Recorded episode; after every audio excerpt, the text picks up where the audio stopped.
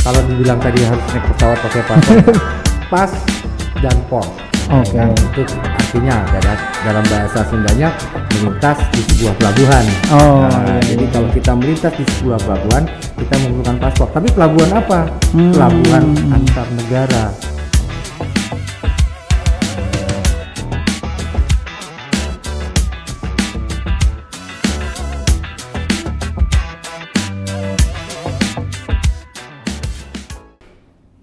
Assalamualaikum warahmatullahi wabarakatuh Sahabat Mido di mana pun berada di seluruh Indonesia Sekarang kita bertemu di acara The Voice atau podcastnya Imigrasi Sukabumi Nah kali ini kita akan membahas sesuatu yang penting bersama saya Oksa Batiar Kamsa dan juga sudah hadir di antara kita semua yaitu Bapak Adrianus Tony Budijaya selaku Kepala Seksi Dokumen Perjalanan dan Izin Tinggal Keimigrasian Kantor Imigrasi Kelas 2 Non TPI Sukabumi.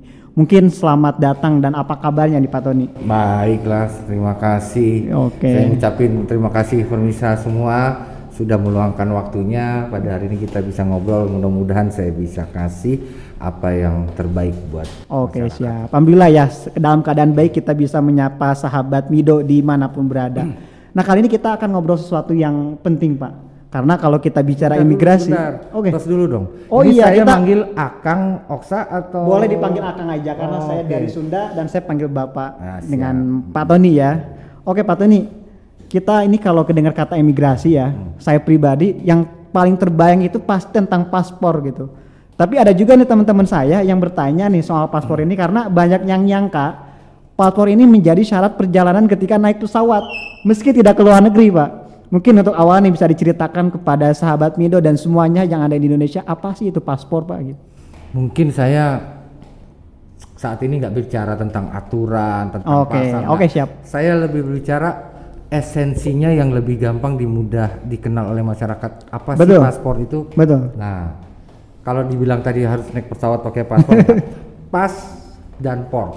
ya Oke. kan? Itu artinya da- dalam bahasa Sundanya melintas di sebuah pelabuhan. Oh, Nah, iya, jadi iya, kalau kita melintas di sebuah pelabuhan, kita memerlukan paspor. Tapi pelabuhan apa? Hmm. Pelabuhan antar negara. Oke, jadi oke, kalau Kang Oksa mau jalan-jalan eh, dari Pelabuhan Ratu mau ke Pelabuhan Cilacap nggak Gak usah, meski naik pesawat ya. Meski naik pesawat sekalipun. Oke. Tapi kalau melintas negara, Oke. kita membutuhkan paspor. Paspor. Yang membuktikan bahwa eh, di situ ada eh, kita punya biodata diri Oke, kita.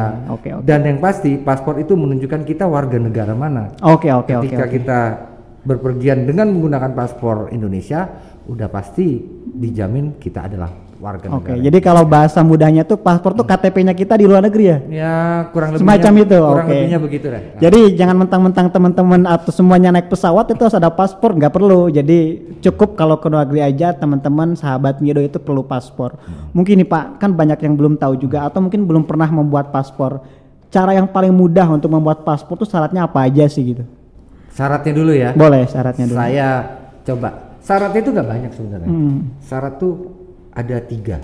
Oke. Pertama, persyaratan pertama adalah bukti domisili. Hmm. Bukti domisili itu ada KTP, Oke. di situ menunjukkan kita tinggal di mana. Hmm, hmm, hmm.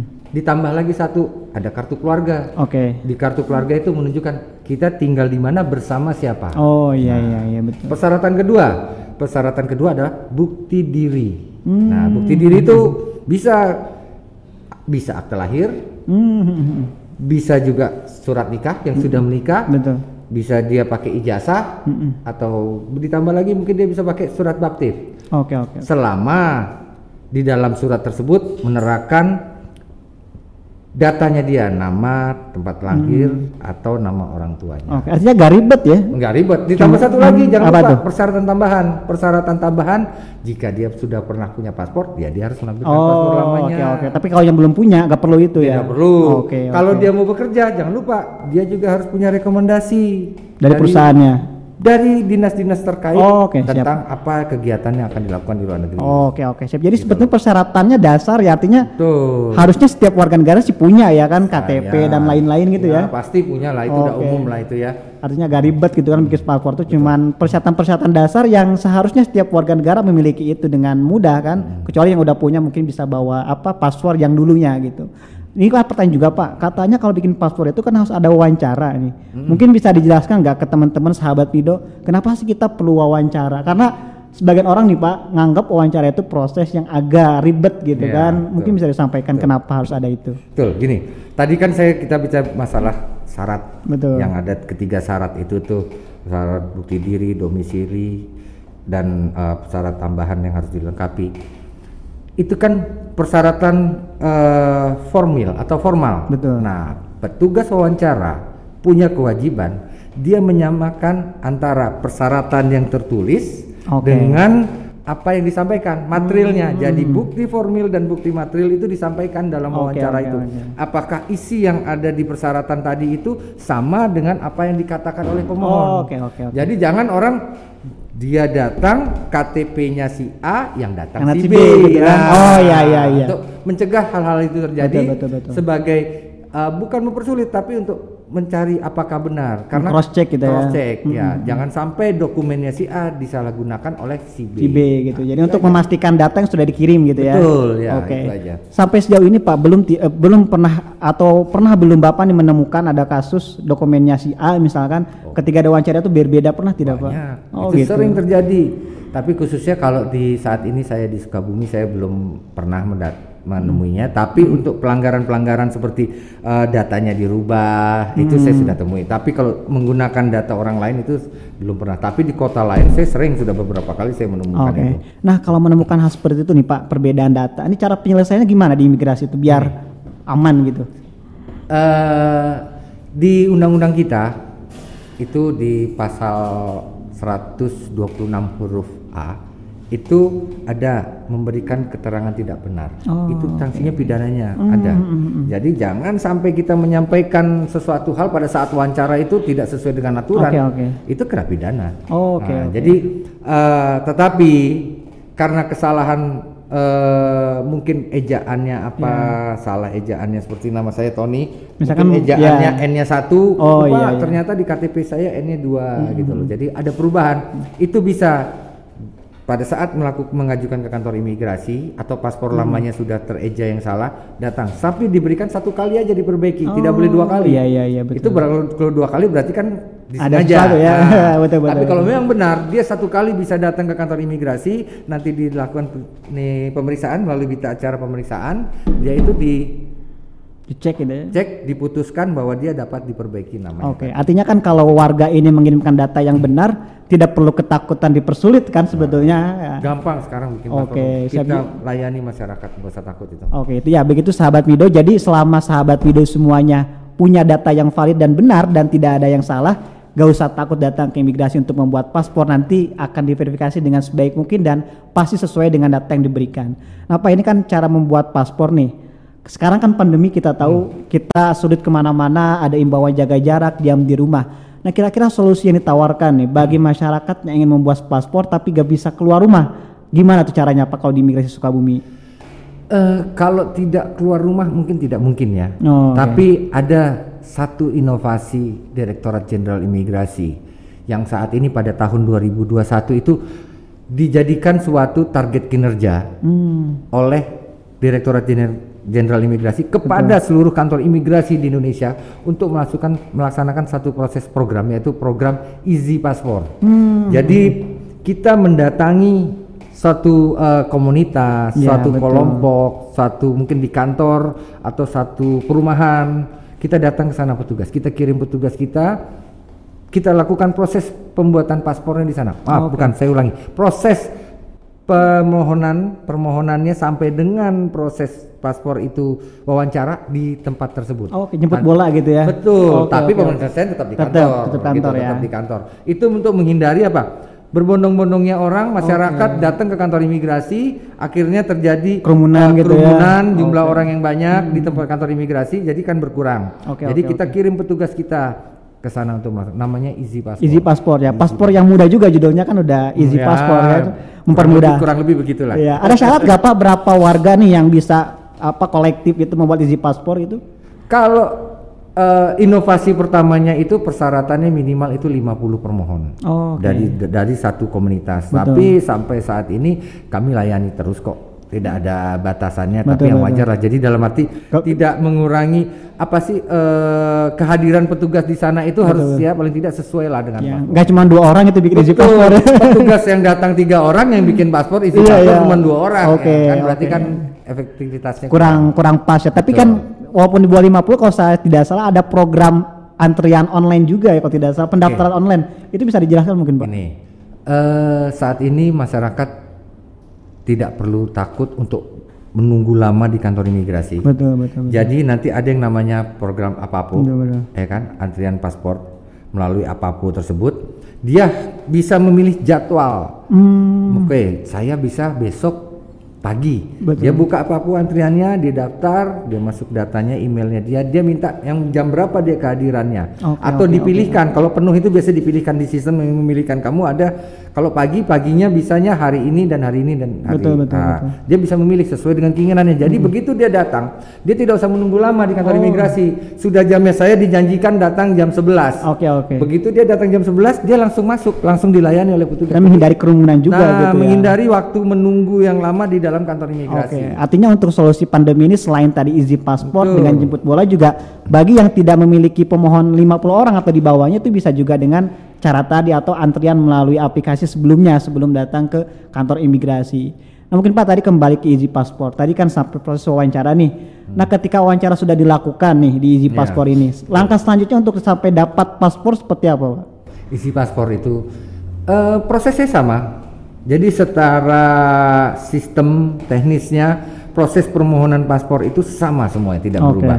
Tetapi hanya pengambilan datanya kita ambil di tempat Oh, Ya, yang biasanya di kantor gitu Yang ya. biasa kita wawancara, kita ambil datanya di kantor, kita datang ke tempat mereka. Jadi mereka tidak perlu datang. Oke, oke, Nah, oke, kita kembali ke kantor, nanti kita selesaikan di kantor sampai pencetakan paspor sampai dengan paspor itu selesai. Nanti paspor itu selesai, kami utus petugas kami untuk mengirimkan kepada salah satu orang yang dipercaya di tempat atau di komunitas tersebut. Oh, oke, mewakili semua itu ya. Ah, ah, jadi kita Oke. serahkan ini kan satu sekarang uh, kemarin kita pernah membuatkan di sebuah pesantren. Hmm. Nah, kita di pesantren tersebut kita buatkan, kita layani selesai, kita kirim paspor itu kepada pimpinan pondok pesantren. Secara kolektif gitu ya. Oh. Ada 20 kita titipkan kepada 20, mereka. oke. Jadi kita interaksi kita dengan petugas pun semakin berkurang. Oke, jadi artinya jangan ada ketakutan karena gak datang ke Betul. kantor seakan-akan kapan jadinya gak kayak gitu juga Pak ya. Oke, jadi imigrasi juga tetap menyediakan format yang terbaik bagi pelayanan paspor selain di kantor imigrasi juga bisa dengan izin paspor datang ke eh, teman-teman atau sahabat Mido semuanya. Nah, Pak terkait paspor ini kan banyak sekali apa namanya pertanyaan juga nih seberapa penting sih kita punya paspor kalau kita mau keluar negeri bisa tidak kita keluar negeri tanpa paspor gitu Pak? Mungkin bisa dijawab pertanyaan itu. Eh, kembali tadi ke cerita saya pertama. Paspor itu sebetulnya hak seluruh warga negara Indonesia. Benar. Selama dia bisa menunjukkan bukti eh, formil dan bisa menjawab secara material. Nah, itu dia punya hak untuk mendapatkan paspor itu. Eh, siapa saja boleh mendapatkan dan ketika orang itu melakukan perjalanan atau melintas border perbatasan baik itu perbatasan laut, perbatasan udara atau perbatasan darat ya di pelabuhan laut, pelabuhan udara dan perbatasan darat, dia wajib menggunakan paspor. Paspor ya, oke. Wajib karena dia tidak akan pernah diterima di negara lain kalau dia tidak memiliki paspor. Oke. Sebagai identitas dia dari negara sebagai asalnya identitas gitu. dia, sebagai bukti bahwa dia saya warga negara Indonesia, pemegang pas untuk melintas di pelabuhan atau kita singkat dengan paspor. paspor gitu ya. Oke. Sejauh ini Pak belum eh, menemukan belum ada satu kasus misalkan warga negara Indonesia di luar negeri tidak memiliki paspor dan masalah yang dialami biasanya seperti apa, Pak? Yang pasti mereka di sana ditangkap oleh pihak berwajibnya Oke. negara tersebut. Ditangkap terus di kalau dia yang bersangkutan mengaku dia warga negara Indonesia, pihak negara tersebut akan berkomunikasi dengan perwakilan Republik Indonesia yang ada di sana. Oke, oke, oke. Dan perwakilan Republik Indonesia akan mengecek benar nggak dia warga Oh, negara negara kita. Indonesia. Oke, oke. Artinya mempersulit diri sendiri juga ya. Pastinya, jangan sampai Betul, paspor betul. itu nyawa kedua lo di luar Iya negeri. iya iya betul. Daripada nanti kita sulit di negara orang gitu ya. Lebih baik sekarang kita tertib administrasi dan kita bisa tempuhlah prosedur yang tadi sudah disampaikan begitu mudah untuk mendapatkan paspor.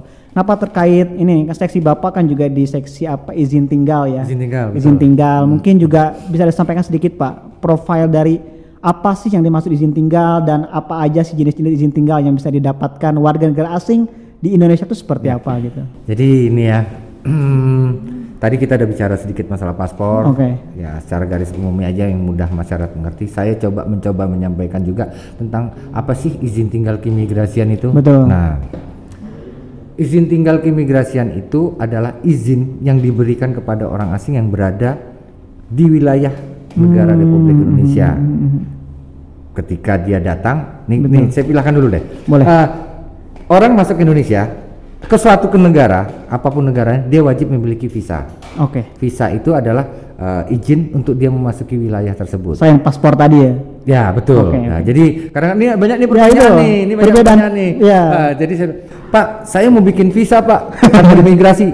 Bapak mau ke mana? Ke Australia, ya bikin visanya ke negara Australia Ya, dong, betul, gitu loh. betul, Jangan betul, ke betul. kantor imigrasi, Ya, ya, ya, ya. ke negara tujuan. Jadi paspor itu adalah izinnya untuk melintas, Betul, visanya izinnya untuk memasuki ke negara tersebut. Oke, oke, oke. Nah, ketika dia sudah masuk ke negara di mana ini dia eh, akan kunjungi, dia harus mendapatkan izin tinggal. Oke, selain visa itu ya. Nah, betul. Orang asing masuk ke negara Indonesia menggunakan visa. Betul. Pada saat di bandara dia memiliki visa, diizinkan masuk, diberikan izin masuk. Hmm. Nah, izin masuk itu ada yang berikut dengan izin tinggal, ada yang harus melapor ke kantor imigrasi untuk Oke. mendapatkan Izin izin, tinggal. tinggalnya. Oke, oke. Ya, izin tinggal itu macam-macam di negara kita. Di sini ada izin tinggal yang dia hanya eh, masuk beberapa saat saja. Oke, oke. Ada yang namanya vi- bebas visa tinggal terbatas. Hmm, hmm, hmm, hmm. Itu namanya vitas. Oke, itu begitu dia dapat, dia dapat visa, dia harus merubah status visanya tadi menjadi izin tinggal terbatas. Oke, oke. Nah, itu dia bisa ditinggal di Indonesia untuk bersama keluarganya. Oh. Bersatu dengan keluarganya, dia bisa mengunjungi eh, apa? Mohon maaf, dia bisa bekerja di sini. Nah, setelah melapor dia tinggal di Indonesia, Oke. dia mem- memiliki izin tinggal di Indonesia Sesuai dengan waktu yang ditentukan gitu ya. sesuai dengan waktu yang ditentukan. Ya, sahabat Mido di mana pun berada, masih bersama saya Oksa Batiar Kamsah di acara The Voice Podcast Imigrasi Sukabumi. Tadi kita sudah banyak berbincang dengan Bapak Tony terkait paspor, Pak. Ya. Nah, sekarang kita akan menanyakan tentang lanjutan dari paspor ini kan tadi ada visa dan sebagainya. Mungkin termasuk izin tinggal. Ya. Bisa dijelaskan mungkin Pak bagaimana runutannya itu? Eh, izin tinggal di negara kita ini eh, beberapa macam jelas, tapi saya coba jelaskan secara umumnya dulu. Ada beberapa negara Oke. yang boleh masuk ke Indonesia tanpa harus memiliki Oh. visa. Hmm, hmm, hmm. Ya, jadi dia langsung diberikan izin tinggal. Oh, oke Nah, oke. yang oke. itu bebas visa, Visa, kunjungan. ya. Oke, nah, oke. itu hanya beberapa negara untuk berwisata. Itu diberikan 30 hari Selama berada 30 hari ya. Indonesia. Hmm. diberikan izin tinggal selama 30 hari. Ketika dia datang di bandara, dia diberikan 30 hari berada di Indonesia, dia harus keluar setelah 30 hari. Oh, oke oke Ada oke. juga yang namanya visa on arrival. Hmm. Dia datang ke negara kita, begitu dia bersandar ada beberapa negara juga itu dia langsung bayar di bandara, dia bayar kalau nggak salah 35 dolar Amerika, ya Oke, kan? Nah, dia diberikan tinggal 30 hari dapat diperpanjang di Oh. kantor imigrasi satu kali. Oke oke oke siap. Nah, nanti ke tempat saya tuh. Datang gitu ya? Iya, datang ke Oke. kan ke sini Untuk ke memperpanjang saya. izin Betul, itu, untuk oke. memperpanjang itu. Ada juga izin kunjungan menggunakan visa. Hmm. Nah, ada visa, ada berbagai macam jenis visa. Dia dia mau berkunjung untuk keluarganya, dia untuk bekerja. Yang secara umum ya pasti dia berkunjung eh, ke saudara, ke keluarga, ke rekannya, ke saudaranya itu diberikan pertama kali datang di bandara setelah mendapatkan visa dia datang diberikan tinggal selama 30 hari nanti diperpanjang di kantor Oke, imigrasi. Oke siap. Jadi sejumlah dokumen selain paspor ketika kita akan keluar negeri itu ada juga visa dan izin tinggal artinya Ya kan? betul. Seperti visa itu. itu, memasuki su- ke negaranya. Negaranya. Ketika kita berada di dalam negaranya kita harus Ada masa izin gitu. tinggal. Oke. Nah Pak Iya. berkaitan dengan izin tinggal ini kan sering sekali juga kita temukan ada persoalan overstay. Ini kita sering mendengar kata overstay atau melampaui batas izin tinggal. Mungkin itu penjelasannya seperti apa Nah, sih Pak? gini. Nah, tadi nih kita bicara izin tinggal. Izin tinggal itu ada batas waktunya. Betul. overstay atau uh, melebihi batas waktu tinggalnya Hmm. itu esensinya adalah orang asing yang berada di Indonesia melebihi dari batas atau Oke. izin tinggal yang diberikan itu dinamakan overstay. Oke, oke, oke. Nah jadi lebih dari yang gitu dia misalkan hari ini tanggal berapa nih tanggal 15. 15. Seharusnya tanggal 15 dia sudah berakhir. Ternyata dia sampai besok tanggal 16 dia masih berada di Indonesia. Itu namanya melebihi batas izin, izin tinggal, tinggal. yang diberikan. Oke, oke, oke. Termasuk juga warga Indonesia ketika ada di negara lain mungkin ya, betul. dengan aturan Sama. negara itu gitu ya. Sesuai dengan aturan di Oh, negara itu masing-masing. oke. Artinya selain paspor juga uh, sahabat uh, Mido semuanya tetap memperhatikan aturan-aturan yang ditetapkan di negara yang akan dikunjungi baik itu untuk bekerja mungkin ya Betul. atau berwisata dan sebagainya. Nah, Pak kembali lagi ke masalah paspor nih. Hmm. Ini persoalan harga ini yang paling yang paling apa nama sensitif ya karena ha, nyaris juga informasi ini belum terlalu tersampaikan mungkin ya secara detail mungkin bisa disampaikan Pak berapa sih budget yang mesti kita siapkan nih sebagai warga negara ketika akan membuat paspor gitu. Saat ini paspor itu tidak dibayar di kantor imigrasi Hmm. satu rupiah pun. Dibayarkan melalui bank persepsi yang ditunjuk Oke. atau ke kantor pos. Oke. Nilai nominalnya paspor 48 halaman berlaku selama lima tahun itu 350 ribu rupiah saja. Oke. Nah, catat ya 350 ribu ya. rupiah saja. Saja ya. Nah. Artinya tidak ada Tidak lain-lainnya ada gitu. lain-lainnya. Bayar pakai ATM ke BNI atau bisa ke kantor pos. Nanti kita kasih eh, dia punya struk untuk melakukan pembayarannya. Kan? Oke, cukup 350 ribu saja tanpa ada lain-lainnya sehingga jangan ada masalah lagi ketika kita akan membuat paspor karena selain dokumen yang penting tadi, Betul. persyarat-persyaratan juga harganya juga tidak terlampau mahal ya bagi sahabat Mido semuanya. Ya mungkin Pak terkait masih masalah paspor, ini kan imigrasi punya tanggung jawab bagaimana menyampaikan sosialisasi ini kepada masyarakat. Mungkin selama ini saluran yang digunakan nih oleh imigrasi untuk menyampaikan ini tuh apa aja sih yang sudah dilakukan gitu.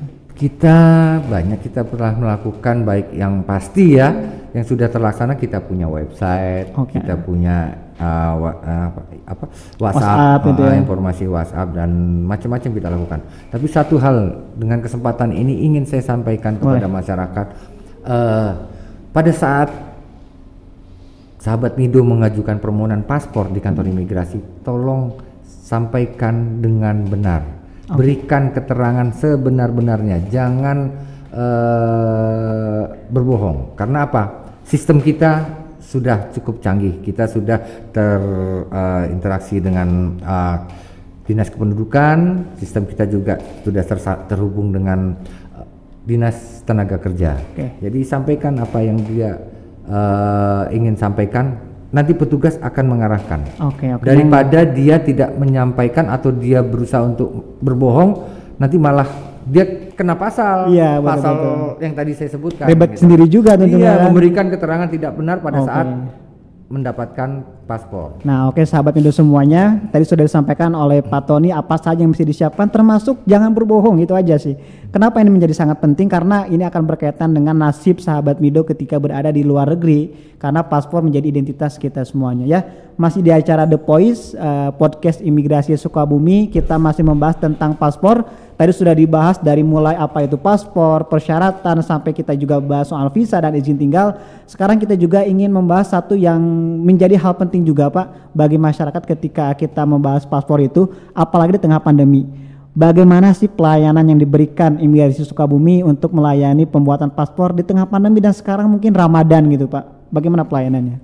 Eh, untuk pelayanan petugas pelayanan kami itu sudah terbiasa dengan melakukan suatu eh, pelayanan yang prima. Oke. Jadi dengan pandemi ini kami tetap mengikuti prokes Oke. protokol kesehatan dari mulai eh, menggunakan sarung tangan dan segala macam lengkap masker.